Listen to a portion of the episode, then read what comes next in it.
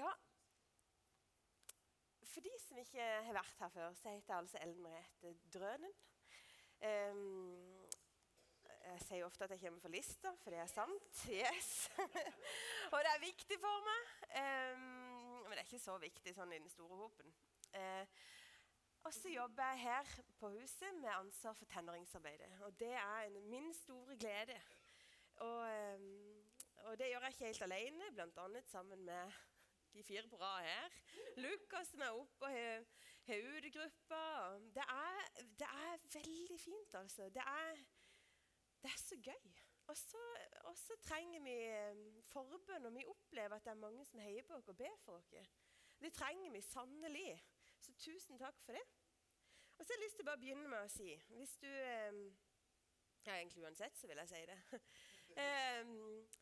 at jeg syns at dette er en veldig fin menighet.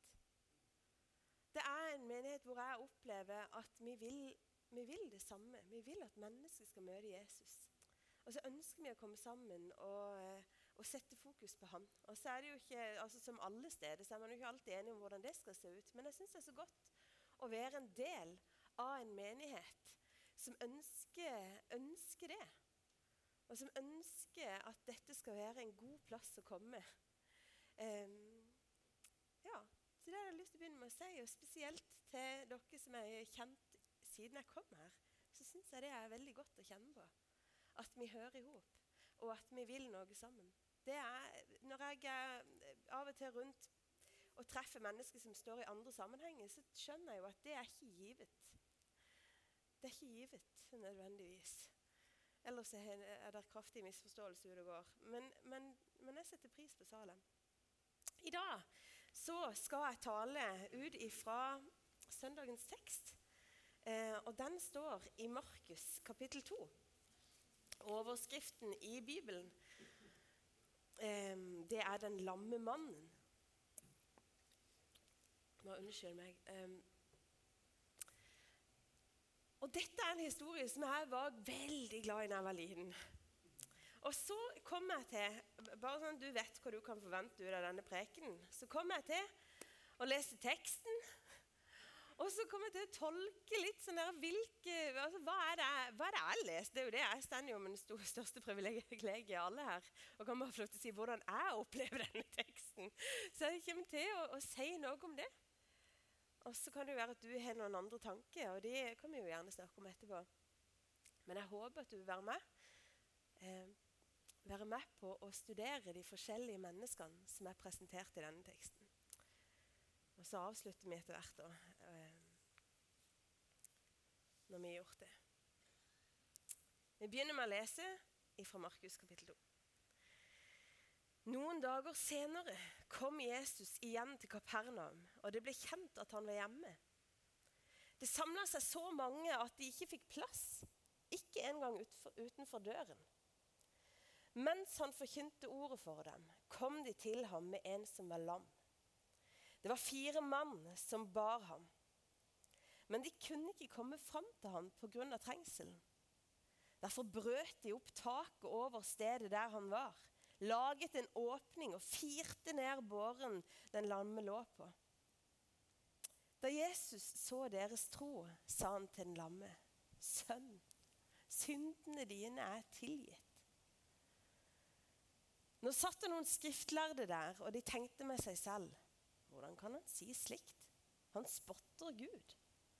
Hvem andre kan tilgi synder enn én? Det er Gud. Straks visste Jesus i sin ånd at de tenkte slik, og han sa til dem, Hvorfor går dere med slike tanker i hjertet? Hva er lettest å si til den lamme? Syndene dine er tilgitt? Eller stå opp, ta båren din og gå? Men for at dere skal vite at menneskesønnen har makt på jorda til å tilgi synder Og nå vender han seg til den lamme.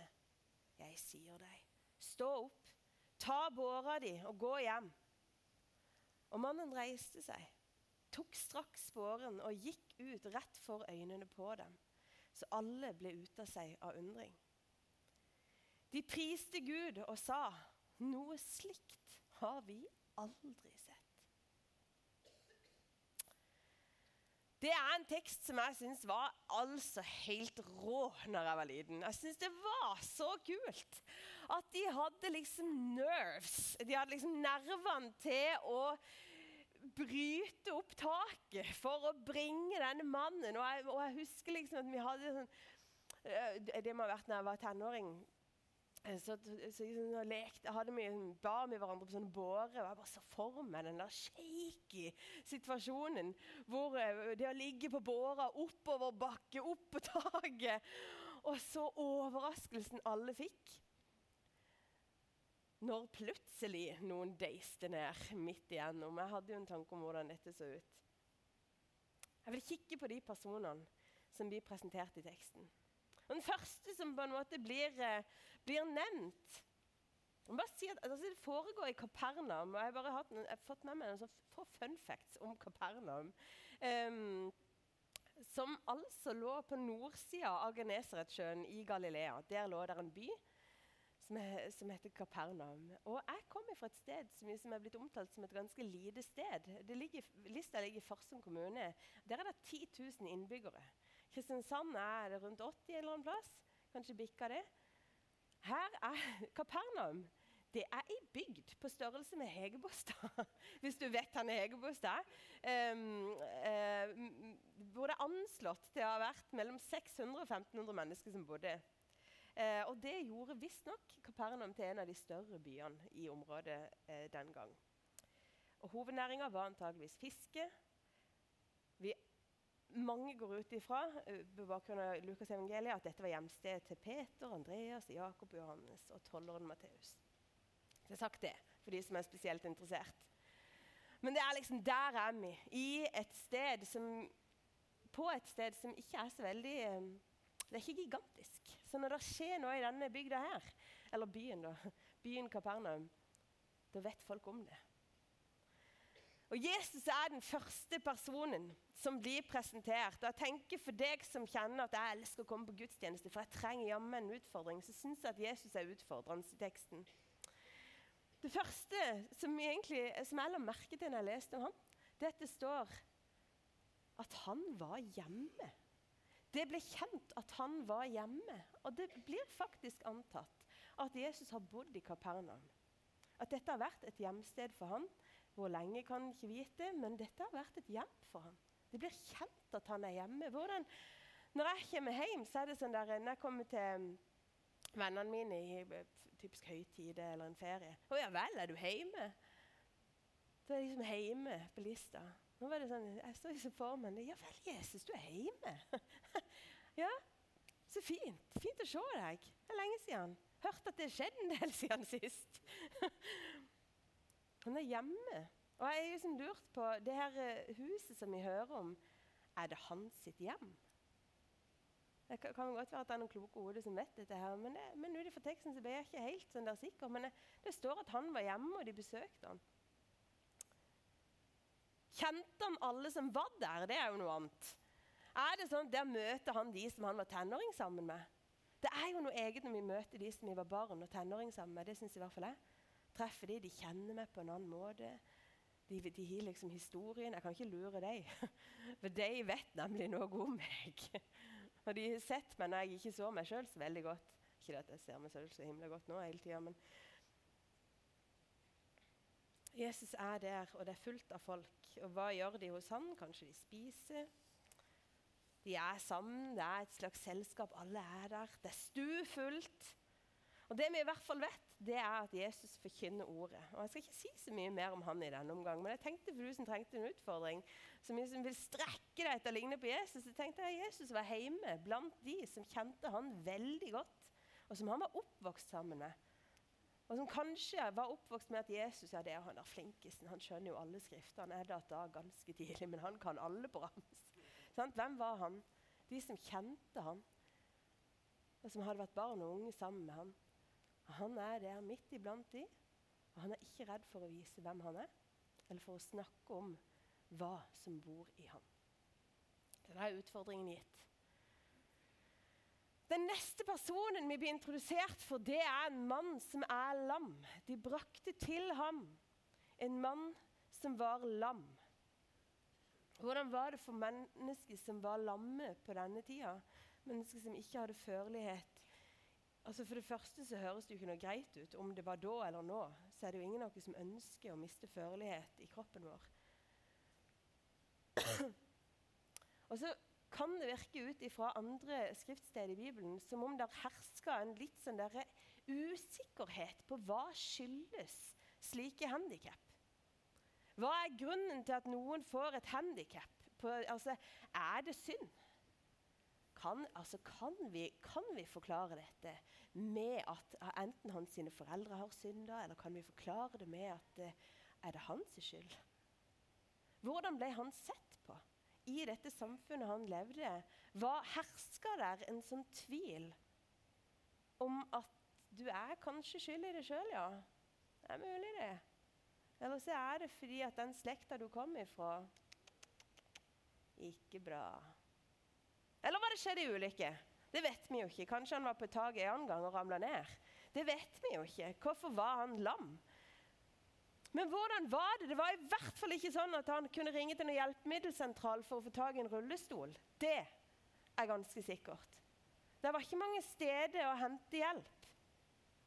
Og det var ikke mange steder å tjene pengene sine, så høyst sannsynlig så har han, med mindre, med mindre, han hadde en familie eller venner med masse penger som kunne hjelpe han, så hadde han tigging som eneste mulighet. Og hvordan ser du på tiggere? Hvordan ser jeg på tiggere? Jeg prøver å være så vennlig i tanken min som jeg bare kan. Men inni her så foregår det mye rart. Og inni meg så har jeg en måte å se på mennesker som jeg ikke har lyst til å vedkjenne meg til tider. Det kommer helt an på dagen min. Noen dager så har jeg så mye, jeg, jeg, jeg, noen ganger så har jeg så mye medlidenhet, og noen ganger så syns jeg de er så irriterende. Altså, Hvordan ble han sett på? Hvordan var det å være lam? Hadde han vondt? Gikk han rundt med stadige smerter? Følte han seg til bry? Ble han behandla på en måte, eller bare kom det innenfra? Jeg er til bry Jeg har ingenting å gi. Jeg har ikke noe å gi og til bry, og merker det at folk er lei av meg. Jeg vet ikke. Jeg tenker i hvert fall bare det. At jeg er glad det ikke var meg. Altså jeg tenkte på at hvis, hvis, han er lam, og så kommer det rykte om at Jesus kommer tilbake, så har han kjent Jesus? Ja, altså, er det sånn, Kan vi tenke oss Jeg må bare si at Det er én ting som jeg syns er gøy. Eh, I den eh, livsfasen jeg er nå, så er det ett element som jeg har til fordel eh, når jeg leser evangeliene. Og det er at ut ifra teksten eller ut ifra den tida det er skrevet eller skrevet om, så er altså meg og Jesus ca. like gamle. Vi er nemlig i begynnelsen av 30-årene, begge to. og, og, da blir jeg litt sånn Hva hvis denne lamme mannen òg var i begynnelsen av 30-årene? Hva hvis de hadde vært tenåringer sammen? Hva hvis han kjente han fra et eller annet tidspunkt, og så hadde bare livet til han og livet til Jesus bare blitt seende veldig forskjellig ut? En gang så kjente de hverandre så lenge siden sist. Er dere med på hvilke bilder jeg prøver å si nå? Sånn er det jo mange som er det. En gang kjente jeg Jesus. Lenge siden sist. Kanskje det var sånn. I hvert fall er det noe som gjør at han tillater å bli båret. Å bli båret for å møte Jesus. En eller annen forventning er blitt planta i han om at der vil jeg være. Og kanskje er det bare et lite håp på at det møtet, å se Jesus, det må være godt. Jeg hører ryktet, og jeg husker at det var noe eget med han. Jeg har lyst til å møte han. Og så godtar han da det som jeg tenker at jeg ikke hadde syntes var så veldig gøy. Det var en eller annen som nevnte Vi var på en lederkonferanse i, på Gardermoen forrige helg, og det var en som sa når du veier deg, holder du magen inne. Eh, og Det er en helt annen sammenheng, men jeg tenkte liksom at han lar seg bære på båre. Så tung som han er. Det koster noe av et menneske. Å bli båret så tung som du er. Og Det var i forbindelse med det at den vitsen ble på en måte sagt. fordi at Han mente det, han som sa det, at da vet du at du er elska når du står og blir veid med magen helt ut. når du tør å bli tatt imot med hele din vekt. Det vågte i hvert fall han å stappe i potten her. Alt det han var. Og det er sårbart å bli båret. Det er sårbart å trenge andre mennesker. Og noen her inne vet det veldig godt. At det koster å bli båret av andre mennesker. Og det kan være veldig, veldig vanskelig. Og så kan det være veldig godt. Fordi at de som bærer, er trygge og gode og viser kjærlighet. Han blir i hvert fall båret. Han blir båret av fire mann. Han blir båret av fire menn. Og hva, igjen så blir jeg sånn der, altså, Er dette noen som kjente Jesus fra før? Er det noen som er like gamle som han? Er det noen som er eldre enn Jesus? Eller er det noen som var litt sånn at ti, når de var ti, så var Jesus 16? Og han var forbildet, og det er han fortsatt. Og derfor må de se ham! Og de må sørge for at vennen min får sett ham. Og det viser de i hvert fall at det betyr noe for dem. Og de gir alt for at vennen de sin, han som de har valgt å ikke bare på en måte sette de, Hva enn andre måtte mene om han, så skal ikke de være med på det. De skal gi han verdighet. Og de skal sørge for at han får samme utgangspunkt som de andre. Han får lov til å treffe Jesus, han òg.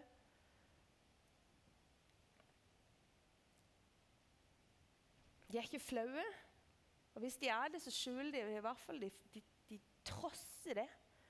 Og om det skulle herje en eller annen sikkerhet på at det var synd som var skyld i hans sitt, så bryr de seg ikke om det nok til at det hindrer de, og det står at de trosser trengselen.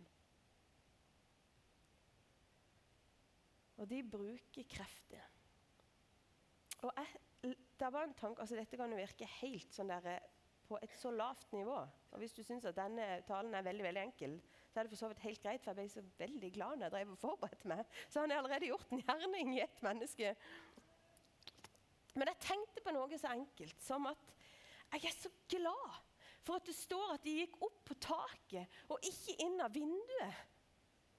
Og hvorfor syns jeg at det er fint? Jo, for inn av vinduet, da hadde det liksom det hadde vært tungt sikkert å få løfta den opp og dytta den inn. hvis det var sånn huset ut på den tida. Men de må gå i oppoverbakke. Og de går i oppoverbakke. Og det syns jeg illustrerer så veldig godt at det er tungt å bære noen. Det er tungt å bære noen selv om man er veldig glad i dem. Så er det en oppoverbakke. Og det koster å gå i oppoverbakke og bære noen som ikke kan bidra sjøl.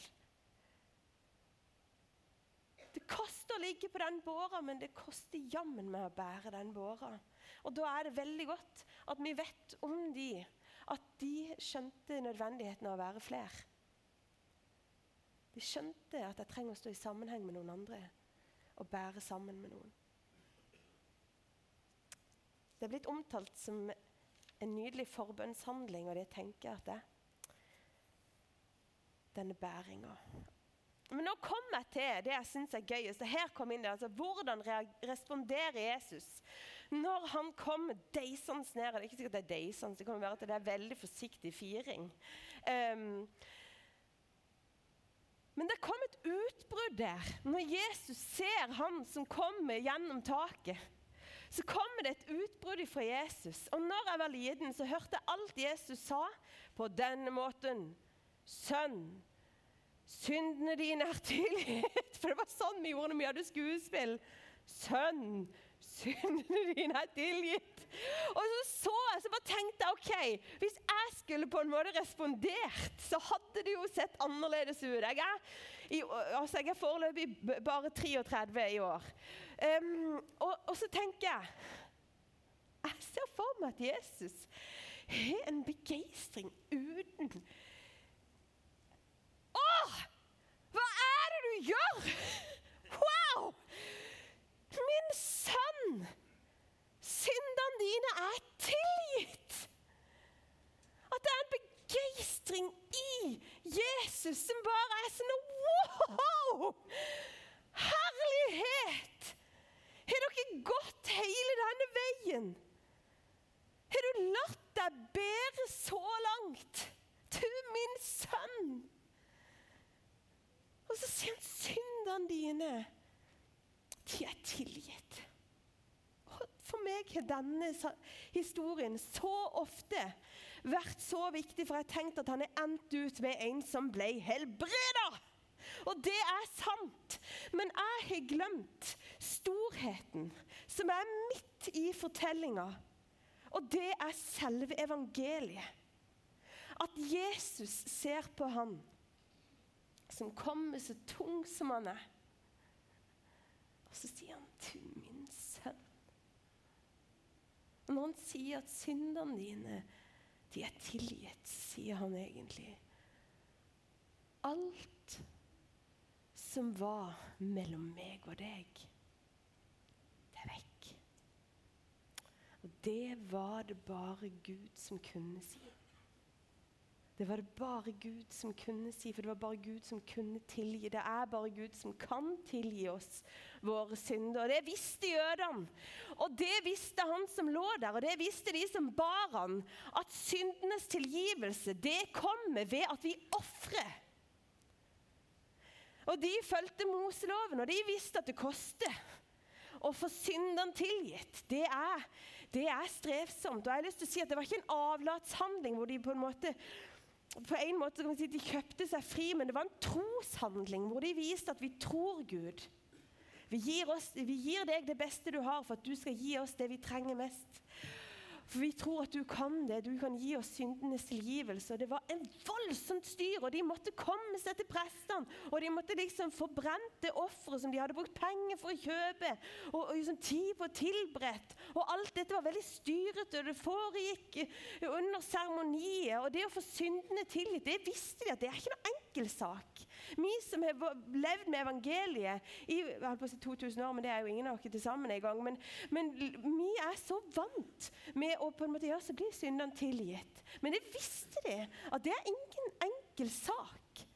Det å komme like for Guds ansikt, at det som er mellom meg og Gud Det er nesten, det er, nesten, altså, det er så vanskelig. Det er så mye om og men.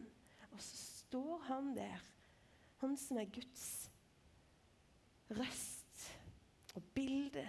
Og så sier han Wow, kommer du her? Trodde du så mye på meg? At du tørde å komme her med all din tyngde?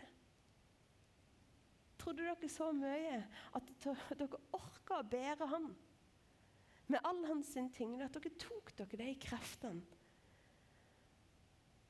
Mitt barn det er ingenting lenger som er imellom meg og deg. Og jeg tenker at vi bærer mange med oss. Og jeg vet hvordan det er å bære noen i hjertet mitt og synes at det er vanskelig når helbredelsen ikke skjer. og Derfor ble det en trøst for meg at kanskje det viktigste i denne teksten, når jeg leste den på nytt, det er at evangeliet er et møte med Gud. Av nåde. Rettferdiggjort ved tro. Og da vil jeg bære. Jeg vet, og jeg syns det kan være veldig utfordrende å bære noen til Gud når jeg ikke alltid kjenner meg sikker på at helbredelsen kommer til å skje sånn som jeg vil. Men jeg tror av hele mitt hjerte at alltid vil Gud møte mennesket. Og frukten av det møtet, det kan se forskjellig ut. Og Jeg skulle ønske at bestillinga mi alltid på en måte ble sånn som jeg ville. Men jeg tror alltid det er et møte med den levende Gud. Når vi kommer sånn som vi er, i tro. Rettferdiggjort ved tro, sa Harald innledningsvis. En Guds kraft til frelse. Og dette var skandaløst.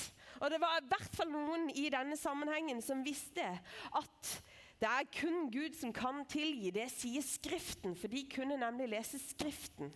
Og det var det jo ikke alle som var like gode til. Og så sitter de der, så jeg får meg at de sitter i hjørnet og ulmer litt. Altså, Hva er det som skjer her? Det ikke, altså, dette stemmer ikke. Skepsisen de sin oser. Og så sier Jesus dette til dem. Han vet, han gjenkjenner hjertene i tank, nei, han gjenkjenner hjertene sine, og så sier han Hvorfor går dere med sånne tanker i hjertet? Og så har jeg altså skrevet, det syns jeg er veldig godt skrevet, her er det noe. Her er det noe. For det var i hvert fall noe for meg. Fordi at jeg skjønte det at skepsisen de sin, de er så inne i ordet, og de har lest disse bokstavene så mange ganger at de er skråsikre på hvordan det skal se ut når Gud kommer. De har lest bokstaven så mye at de vet Og dette stemte ikke helt. Dette gikk ikke opp i det mattestykket de hadde sett for seg.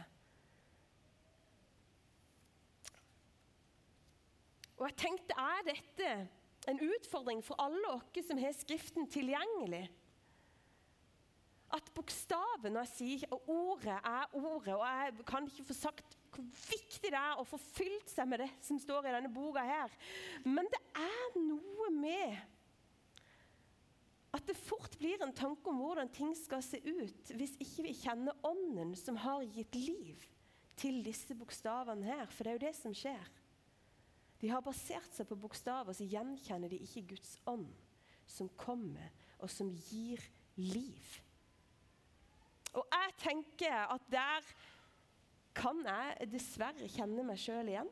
For jeg har en skepsis inni meg. Jeg vet ikke om det er flere her inne som kan kjenne seg igjen i det. Hvis ikke så blir jeg faktisk overraska. Men det er sånn at jeg tenker om en skepsis i et menneske at det kan være en gave. Jeg tror det kan være en gave. Det kan være en gave som gjør at jeg ikke svelger ting så rått. En gave som gjør at jeg ikke tar absolutt alle varianter for god fisk med en gang. Det kan være en gave som gjør at jeg tenker to ganger. Det tror jeg om skepsis. For noen kan dette være å banne kirka, men det mener jeg.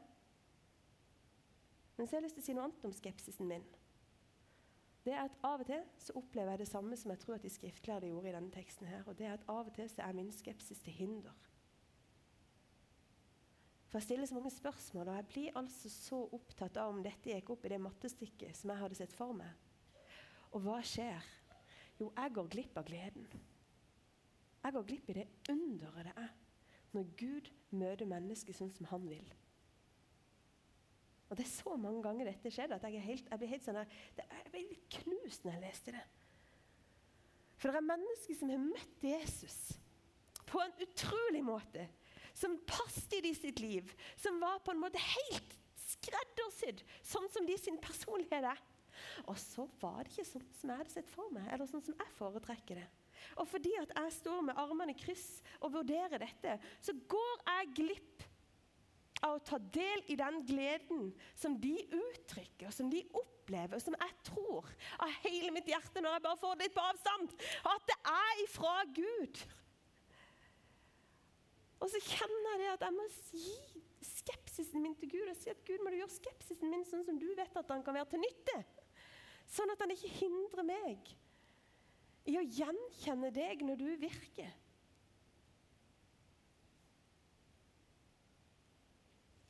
Når jeg opplever skepsisen på den gode måten, så syns jeg at jeg blir lurere. Når jeg opplever den på den andre måten, så kjenner jeg meg ensom i mengden. Og jeg kjenner meg annerledes. Og det kan man jo kjenne av mange forskjellige grunner. Men sånn er det for meg, og jeg tror at Jesus sitt spørsmål er betimelig, og det er til hjelp. Hvorfor går du med slike tanker i ditt hjerte?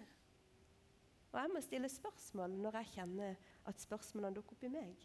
Kanskje Jesus sitt spørsmål er det første jeg trenger å møte. Hvorfor tenker du sånn? Hva er det som gjør deg så veldig skeptisk nå? Hva er det som gjør deg så skeptisk til det Harald sier?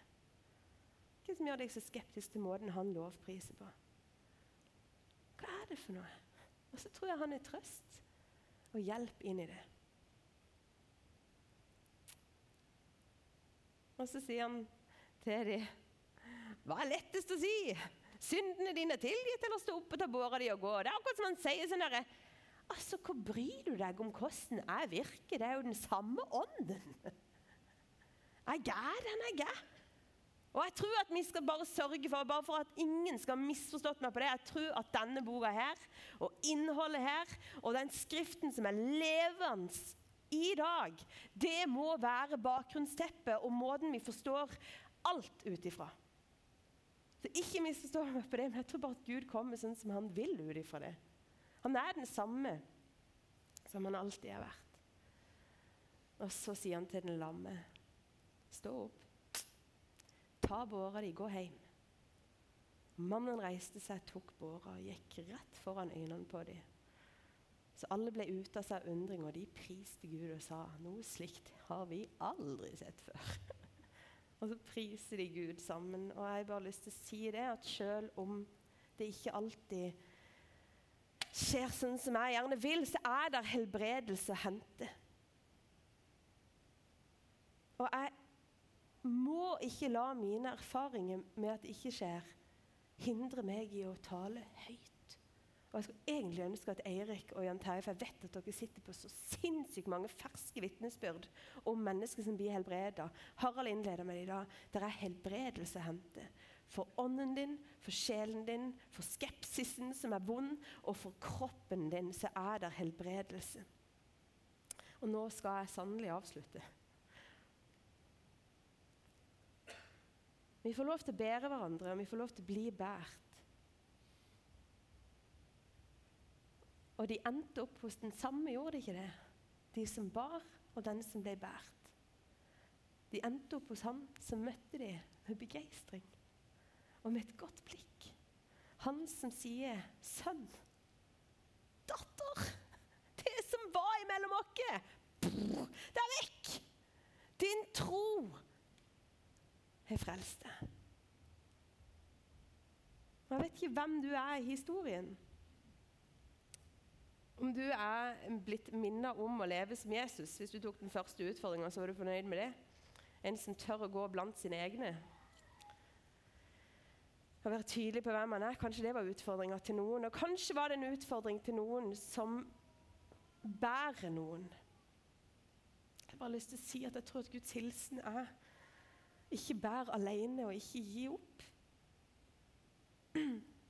Og i den andre enden av den vandringa oppover, for det er det sannelig til tider.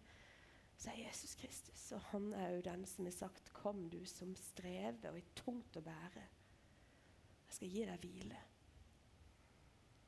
Og Kanskje er du en som kjenner at jeg må begynne å bære noen. Jeg har latt være, for jeg trodde nesten at det var det samme. Jeg hadde mista troa på helbredelsen, men jeg trenger å ta opp åra til min venn igjen. Og så skal jeg begynne å bære. Jeg skal begynne å be.